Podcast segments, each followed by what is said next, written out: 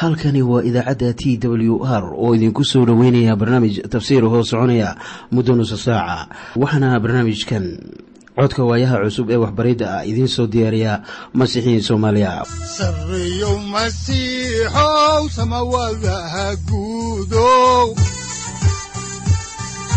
Siraadkii adduunkow subanaha eebow sareyow masiixow samawadaha guudow siraadkii adduunkow subanaha eebow adigoo samada jiro ifkaan soo saldhiganba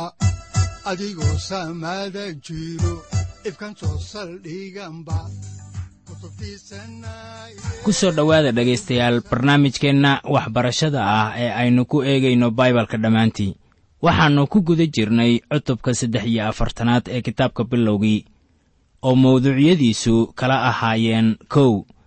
Yacquub oo wiilashiisa u diraya dalka masar benyamiinna waa la raaciyey.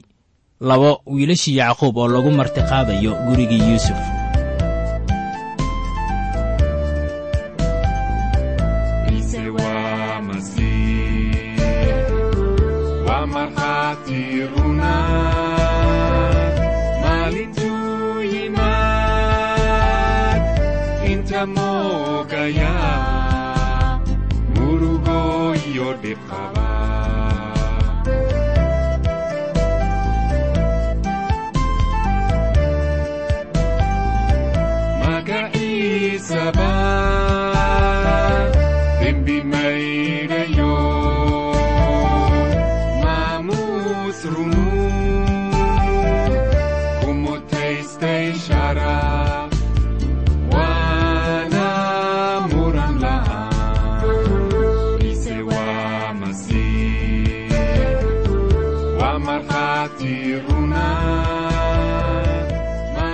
markii ugu dambaysay waxaannu joognay iyadoo abaartii sii xumaatay oo reer yacquub ay weli ka baqayaan inay hortagaan taliyihii dalka masar oo ahaa yuusuf israa'iil.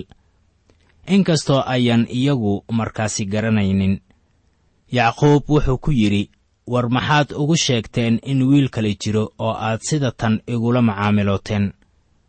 Innagoo halkii idinka miisayna ayaa waxaa ku qoran kitaabka bilowgii cutubka saddex iyo afartanaad aayadaha siddeed ilaa sagaal sida tan soo socota. Markaasaa yuhuuda wuxuu ku yidhi aabbihiis israa'iil wiilka iraaci oo markaas waannu kici oo waannu tegi doonnaa inaynu noolaanno oo aynaan dhimanin annaga iyo adiga iyo dhallaankayaguba anigaa damiin u noqon doonaa oo anaad i weyddiisan doontaa isaga haddii aan ku keeni waayo isaga oo aan hortaada soo joojin waayo aniga eeddo ha i saarnaato weligay. Walaalihii hadal macquul ah ayay ugu jawaabeen aabbahood. Waxay ku yidhaahdeen innagu ma aanan doonayn inaan u sheegno wax waliba laakiin isagaana weyddiiyey haddaan dib ugu noqonno caawa kitaabka oo aan eegno haatan cutubka afartan iyo saddexaad aayadda tobanaad ayaa leh waayo haddaanan raagin hubaal hadda mar labaad waannu soo noqon lahayn. Yuhuudah ayaa leh haddii aad ina raaciso benyamiin waynu tegi lahayn oo haddaa oo kale hore ayaannu u soo noqon lahayn. Haddaba aynu halkii idinka sii wadno kitaabka oo aan eegno cutubka saddex iyo afartanaad aayadda kow iyo tobanaad waxaana qoran sida tan. Markaasaa aabbahood israa'iil wuxuu iyagii ku yidhi hadday haatan saas tahay bal tan yeela. Haddaba midhaha ugu fiican oo dalka weelashiinna ku qaada oo bal ninkii hadiyad ugu geeya waxoogaa beeye ah iyo waxoogaa malab ah iyo xawaash iyo malmal iyo loos iyo yicib. Waxaad inta ku arkaysaa waxa ayan haysan inuu yahay haruur. Waxaanay haysanin kibistii la cuni lahaa oo ahayd tii nolosha. Sida abbaarta ah waxay haysteen malab loos iyo xawaash. Waxaan haatan yacquub uu leeyahay waa inaan ninka u geysaan hadiyad wuxuu leeyahay weji wanaagsan aynu ka samaysanno ninkan marka uu hadiyadda leeyahay ha loo sii qaado. Haatan aynu eegno kitaabka bilowgii cutubka afartan iyo saddexaad aayadaha laba iyo toban ilaa afar iyo toban oo leh gacantiinnana lacag labalaab ah ku qaada oo lacagtii juuniyadihii afkooda lagu soo celiyeyna haddana gacantiinna ku qaada waayo mindhaa waa la soo qaldamay walaalkiinna kaxeeya oo kaca oo bal haddana ninkii u taga oo ilaaha qaadirka ahu naxariis ha idinka siiyo ninka hortiisa.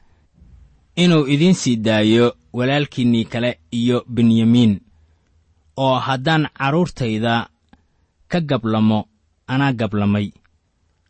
Markaan odaygii yacquub ahaa uu sii daayey benyamiin oo wuxuu raalli ka noqday inuu walaalihiisii ka waaweynaa raaco haatan wakhtigii ugu xiisadda iyo xamaasadda badnayd baa imaanaya. Marka ay is-hortaagaan yuusuf.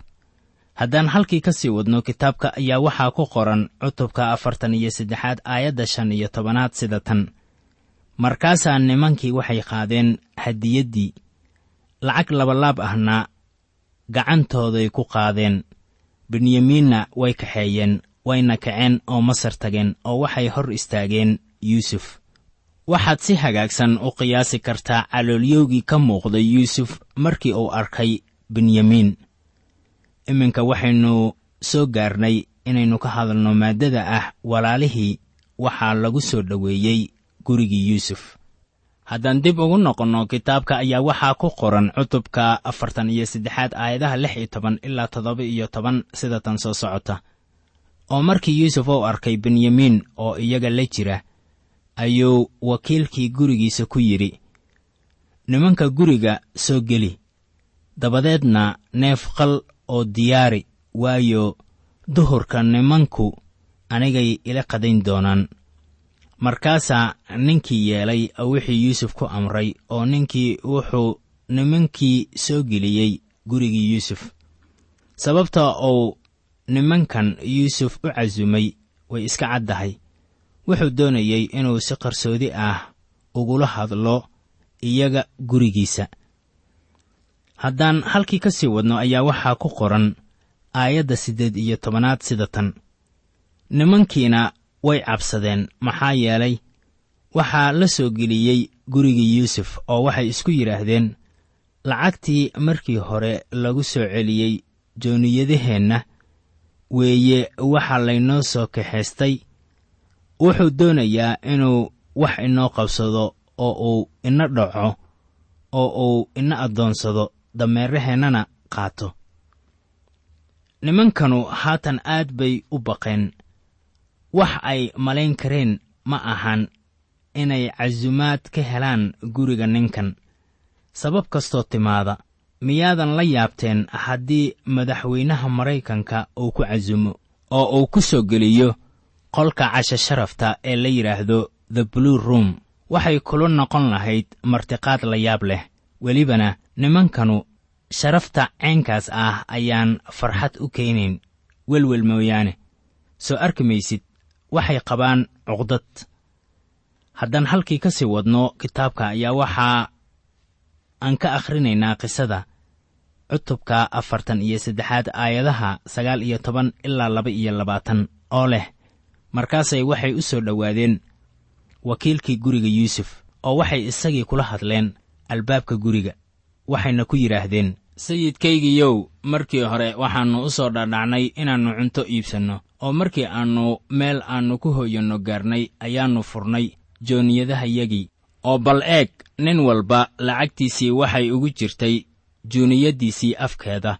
Waxay ahayd lacagtayadii oo miisaankeedii dhan yahay oo haddana gacantayadaannu ku soo celinnay oo lacag kale oo aannu cunto ku iibsannana waan la soo dhaadhacnay.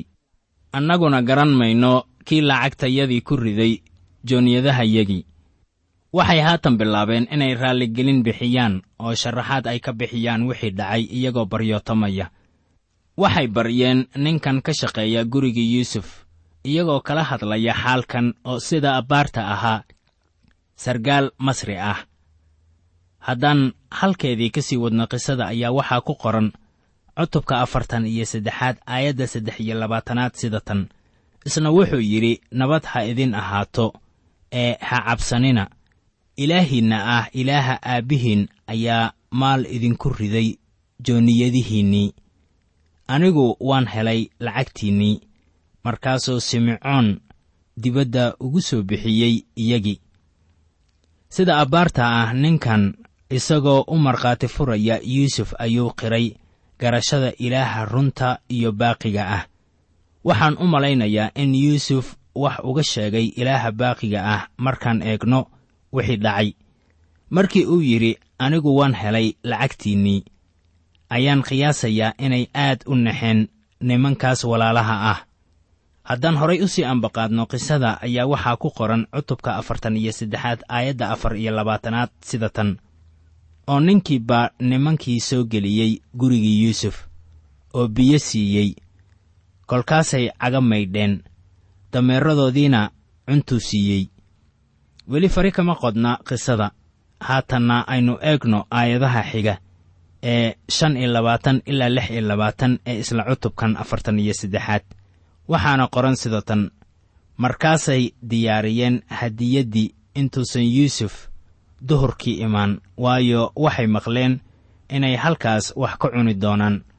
Oo markii yuusuf gurigii yimid ayay gurigii ugu keeneen hadiyaddii gacantooda ku jirtay. Markaasay u wada sujuudeen oy wejiga dhulka saareen. Waxaad xusuusataa duqii yacquub ahaa inuu ku yidhi waa inaad ninka hadiyad u geysaan. Waxaad ogaataa inay dhulka wejiga saareen mar kale ayaa riyadii yuusuf ku riyooday markuu gabanka ahaa la kaamilay. Haddaan halkii ka sii wadno qisada ayaa waxaa ku qoran kitaabka bilowgii cutubka afartan iyo saddexaad aayadda toddoba iyo labaatanaad sida tan. Isna markaasuu nabdaadiyey iyagii oo wuxuu ku yidhi ninkii duqa ahaa ee aad sheegteen oo aabbihiin ahaa ma ladan yahay weli miyuu nool yahay? Soo arki maysid yuusuf sida daacadda ah wuu xiisaynayaa waayo isagu xitaa waa aabbihiis weli waxaynu ku guda jirnaa xigashada kitaabka. Markanna aynu eegno haatan cutubka afartan iyo saddexaad aayadda siddeed iyo labaatanaad. Markaasay yidhaahdeen addoonkaagii aabbahayo ahaa waa ladan yahay welina wuu nool yahay. Kolkaasay madaxa foorariyeen oo ay u sujuudeen mar kale ayay haatanna sujuudeen. Waxaan jeclaan lahaa inaan haysto sawir xaalkan muujinaya. Miyaadan jeclaysateen inaad aragto sidii ay wax yeelayeen? Benyamiin ayaa la socda isagiina wuu sujuuday xitaa. Haddaan halkii ka sii wadno kitaabka ayaa waxaa ku qoran cutubka afartan iyo saddexaad aayadda sagaal iyo labaatanaad sida tan markaasuu intuu indhihiisii kor u taagay wuxuu arkay benyamiin oo ahaa walaalkiis hooyo oo wuxuu yidhi kanu ma walaalkiinnii idinku yaraa oo aad ii sheegteenba? Oo wuxuu ku yidhi wiilkaygiyow ilaah ha kuu roonaado. Haddaan halkii ka sii wadno qisada oo aan eegno kitaabka bilowgii ayaa waxaa ku qoran aayadda soddonaad sida tan soo socota markaasuu yuusuf dhaqsaday ou goobtay meel uu ku ooyo waayo walaalkiis buu u beerdulcay oo wuxuu galay qowladdiisii oo halkaasuu ku ooyey. Waxay ahayd ilaa iyo laba iyo labaatan sannadood. Haatan yuusuf wuxuu jiraa ilaa iyo afartan sannadood oo iminka benyamiin waa nin dhallinyaro ah. Haddaan qisada ku soo noqonno ayaa waxaa ku qoran aayadda kow iyo soddonaad ee isla cutubka afartan iyo saddexaad sida tan. Kolkaasuu intuu fool dhaqday soo baxay oo intuu adkaystay ayuu wuxuu yidhi cunto noo soo dhiga. Tanu waa cajiib waana sawir wanaagsan oo tilmaamaya waxyi aan weli la kaamilin. Waxaan rajaynayaa inaad taas aragto. Nebi zakarayah ayaa inoo sheegaya in ciise masiix maalin uu walaalihiis isku sheegi doono waxay weyddiin doonaan halkii looga dhuftay musmaarka oo gacantiisa ahayd.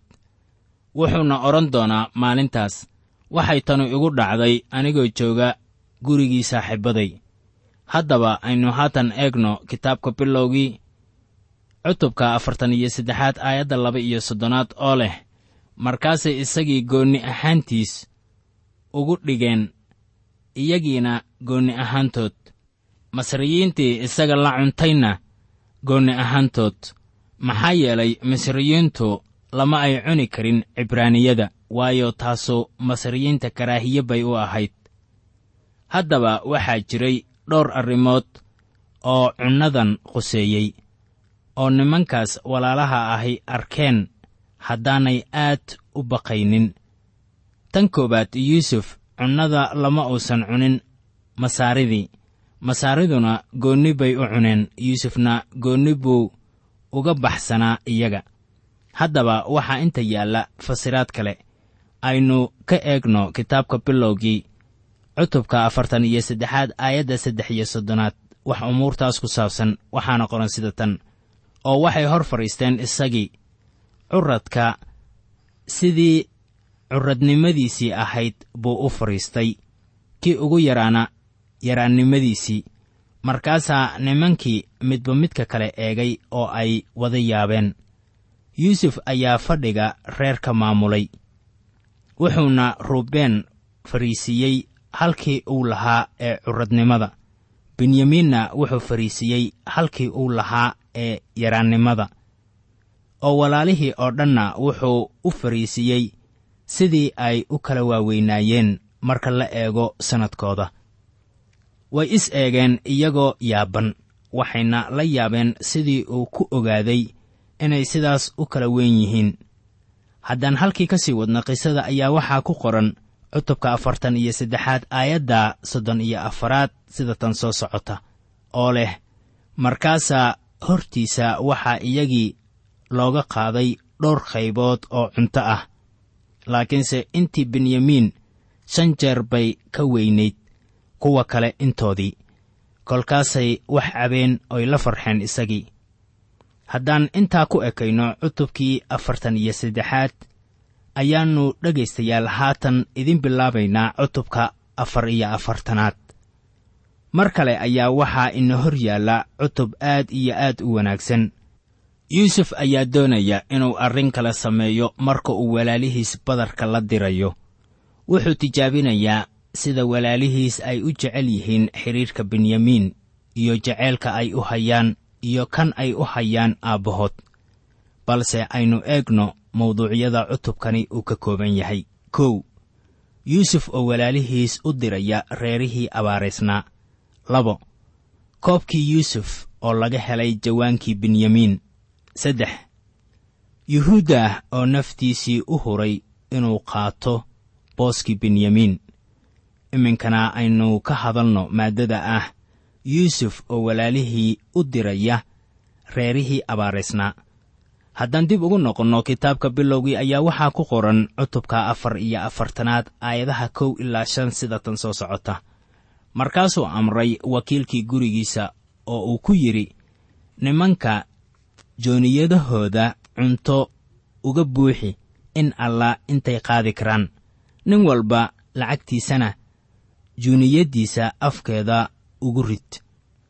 Kan ugu yar juuniyaddiisa afkeedana waxaad ku riddaa koobkayga lacagta ah iyo lacagtiisii uu haruurka ku doonayey markaasuu yeelay hadalkii yuusuf uu kula hadlay oo markii waagii baryey ayaa nimankii la diray iyagii iyo dameeradoodiiba oo markay magaaladii dibadda uga baxeen oo ayaan weli fogaan ayaa yuusuf ku yidhi. Wakiilkiisii kac oo ka daba tag nimankii. Oo markaad gaadhid waxaad ku tidhaahdaa maxaad wanaag xumaan noogu abaal guddeen. Miyuusan kanu ahayn koobkii sayidkaygu wax ku cabo oo uu ku faalliyo. Wax xun baad samayseen markaad saas yeesheen haddaan halkaasi ka sii ambaqaadno kitaabka ayaa waxaa ku qoran cutubka afartan iyo afaraad aayadaha lix ilaa toddoba sida tan soo socota. Kolkaasuu gaadhay oo uu hadalkan kula hadlay. Markaasay waxay isagii ku yidhaahdeen sayidkaygiiyow hadalkan ceenkan ah maxaad ugu hadlaysaa? Yaanay noqon in annaga oo ah addoommadaada aannu wax ceenkaas ah samayno haddaan halkii ka sii wadno ayaa waxaa ku qoran isla cutubka afar iyo afartanaad aayadaha siddeed ilaa sagaal sida tan soo socota.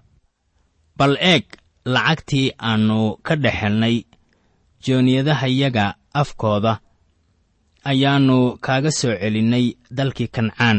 Dee haddaba sidee baannu guriga sayidkaaga uga xadi karnaa lacag ama dahab? Ku alla kii addoommadaada ka mid ah oo laga helo kaasu ha dhinto annaguna addoommo baannu ku noqon doonnaa sayidkaygiyow. Haddaan dib ugu noqonno kitaabka bilowgii ayaa waxaa ku qoran cutubka afar iyo afartanaad aayadaha toban ilaa laba iyo toban sida tan. Markaasuu yidhi waa yahay oo haatan sidaad tidhaahdeen ha noqoto. Kii laga helo addoon buu ii noqon doonaa idinkuna waad eedla'aan doontaan markaasay degdegeen oo nin waluba juuniyaddiisii buu dhulka dhigay.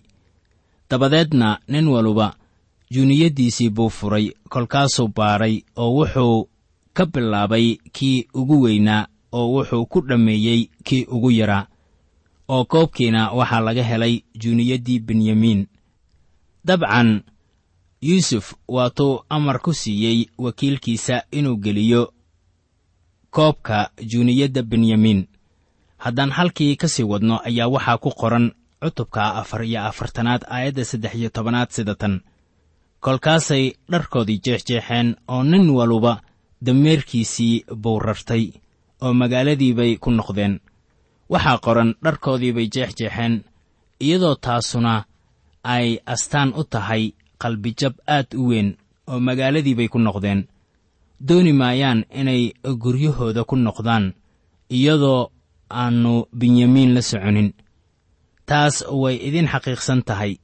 Mar kale ayay u sujuudeen yuusuf oo markan waxaa saaqay niyadjab iyo xanuun. Haddaan halkii ka sii wadno kitaabka ayaa waxaa ku qoran cutubka afar iyo afartanaad aayadaha afar iyo toban ilaa shan iyo toban sida tan. Markaasaa yuhuudda iyo walaalihiis waxay yimaadeen gurigii yuusuf oo isna weli halkaasuu joogay. kolkaasay hortiisa dhulka isku tuureen oo yuusufna wuxuu iyagii ku yidhi waxaan aad samayseen waa maxay? Miyaydnaan ogeyn ninkii anoo kale ahu inuu faallin karo. Iminkana aynu ka hadalno maaddada ah yuhuudda oo naftiisa u huraya inuu galo booskii benyamiin. Yuhuudda ayaa isa soo bannaan bixiyey oo sharaftii ninkanu lahaa haatan bay soo baxaysaa. Waxaad xusuusataa in badbaadiyuhu uu ka imaanayo qabiilka yuhuudda. Ninkan baa laga qoray hadalkii ugu wanaagsanaa ee abid la qoro. Wuxuu halkan samaynayaa qirasho buuxda isagoo leh waxay tani inoogu dhacday dembiyadayadii. Haddaan halkaa ka sii soconno ayaannu haatan eegaynaa cutubka afartan iyo afaraad aayadaha lix iyo toban ilaa toddoba iyo toban. Waxaana qoran sida tan. Markaasaa yuhuudda ku yidhi maxaannu kugu jawaabnaa sayidkaygiyow oo maxaannu ku hadalnaa ama sidee baannu ku eedbaxnaa? Ilaah waa soo saaray dembigayagii annagoo ah addoommadaada. Bal eeg sayidkaygiyow waxaannu nahay addoommadaada. Annaga iyo kii gacantiisa koobka laga helayba. Markaasuu yidhi yaanay noqon inaan sidaas yeelo. Ninkii gacantiisa koobka laga helay ayaa addoon ii noqon doona laakiinse idinku kaca oo nabdoonaan aabbihiin ugu taga. Yuusuf haatan wuxuu doonayaa inuu tijaabiyo isagoo eegaya jaceylka ay u hayaan walaalkood. Wuxuu ku yidhi benyamiin ayaa eedda leh waana benyamiin kan ay tahay inuu joogo dalka masar. Haatan waxaad maqashaa wixii yuhuuddah uu ku dooday. Innagoo ka akhrinayna qisada sida ay ugu qoran tahay cutubka afar iyo afartanaad aayadda siddeed iyo tobanaad oo leh markaasaa yuhuuddah u soo dhowaaday oo ku yidhi sayidkaygiyow anigoo addoonkaaga ah waxaan kaa baryayaa inaan hadal yar kugula hadlo sayidkaygiyow oo ha ii cadhoon anigoo ah addoonkaaga waayo waxaad la mid tahay sida fircoon oo kale. Soo idinma cadda jegada yuusuf uu ka hayo dalkan. Haddaan halkii ka sii wadno ayaa waxaa ku qoran aayadaha sagaal iyo toban ilaa sagaal iyo labaatan sida tan.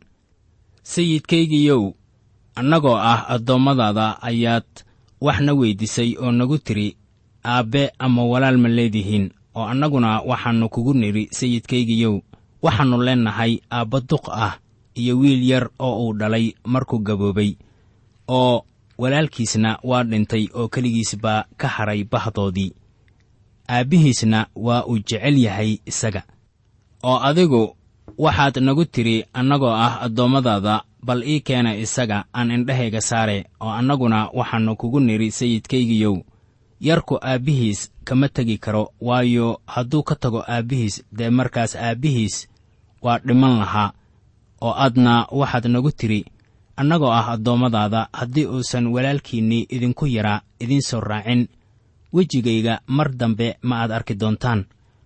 Oo markii aannu u tagnay aabbahay oo addoonkaaga ah ayaannu isaga u sheegnay hadalladaadii sayidkaygiyow oo aabbahayo wuxuu nagu yidhi orda haddana waxoogaa yar oo cunto ah inoo soo iibiya oo waxaannu ku nidhi ma tegi karno haddiise walaalkayga noogu yaru na raaco markaasaannu dhaadhici doonnaa waayo ma aannu arki karno ninkii wejigiisa haddii uusan walaalkayga noogu yaru nala jirin.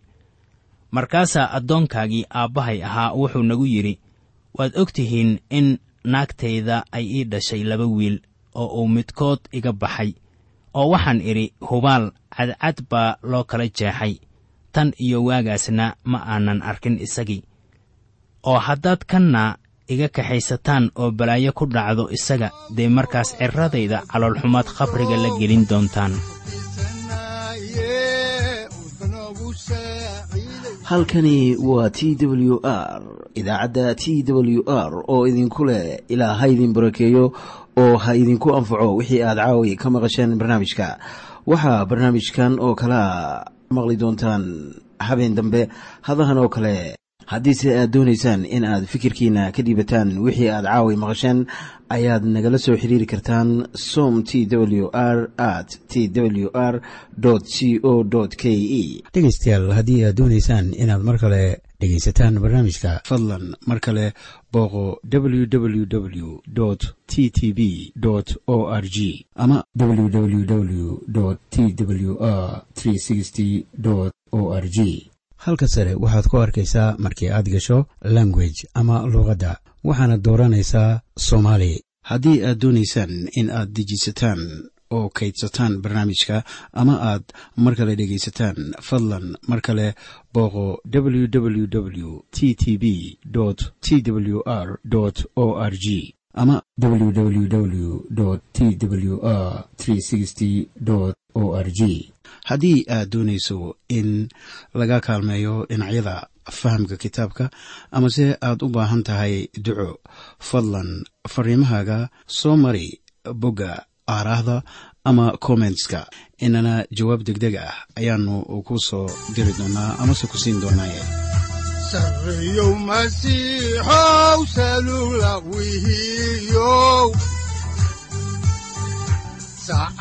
timid dhulka sabada ku dhalatiyo